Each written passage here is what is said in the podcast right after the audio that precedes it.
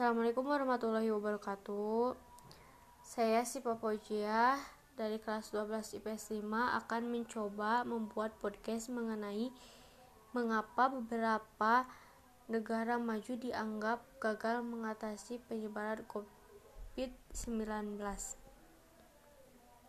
Sebagai contoh, negara Australia merilis data terburuk dalam menghadapi pandemi COVID-19 disebut menjadi negara yang paling gagal dalam menangani penyebaran virus corona.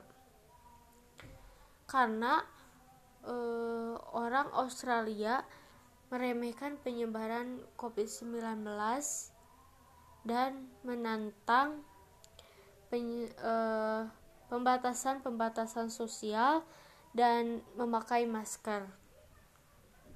Akibatnya, eh, pandemi di negara tersebut meledak hingga mencatat eh hingga hingga mencatat mencatatkan lebih dari 218.000 kematian.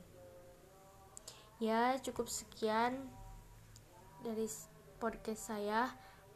Mohon maaf bila ada kesalahan. Wassalamualaikum warahmatullahi wabarakatuh.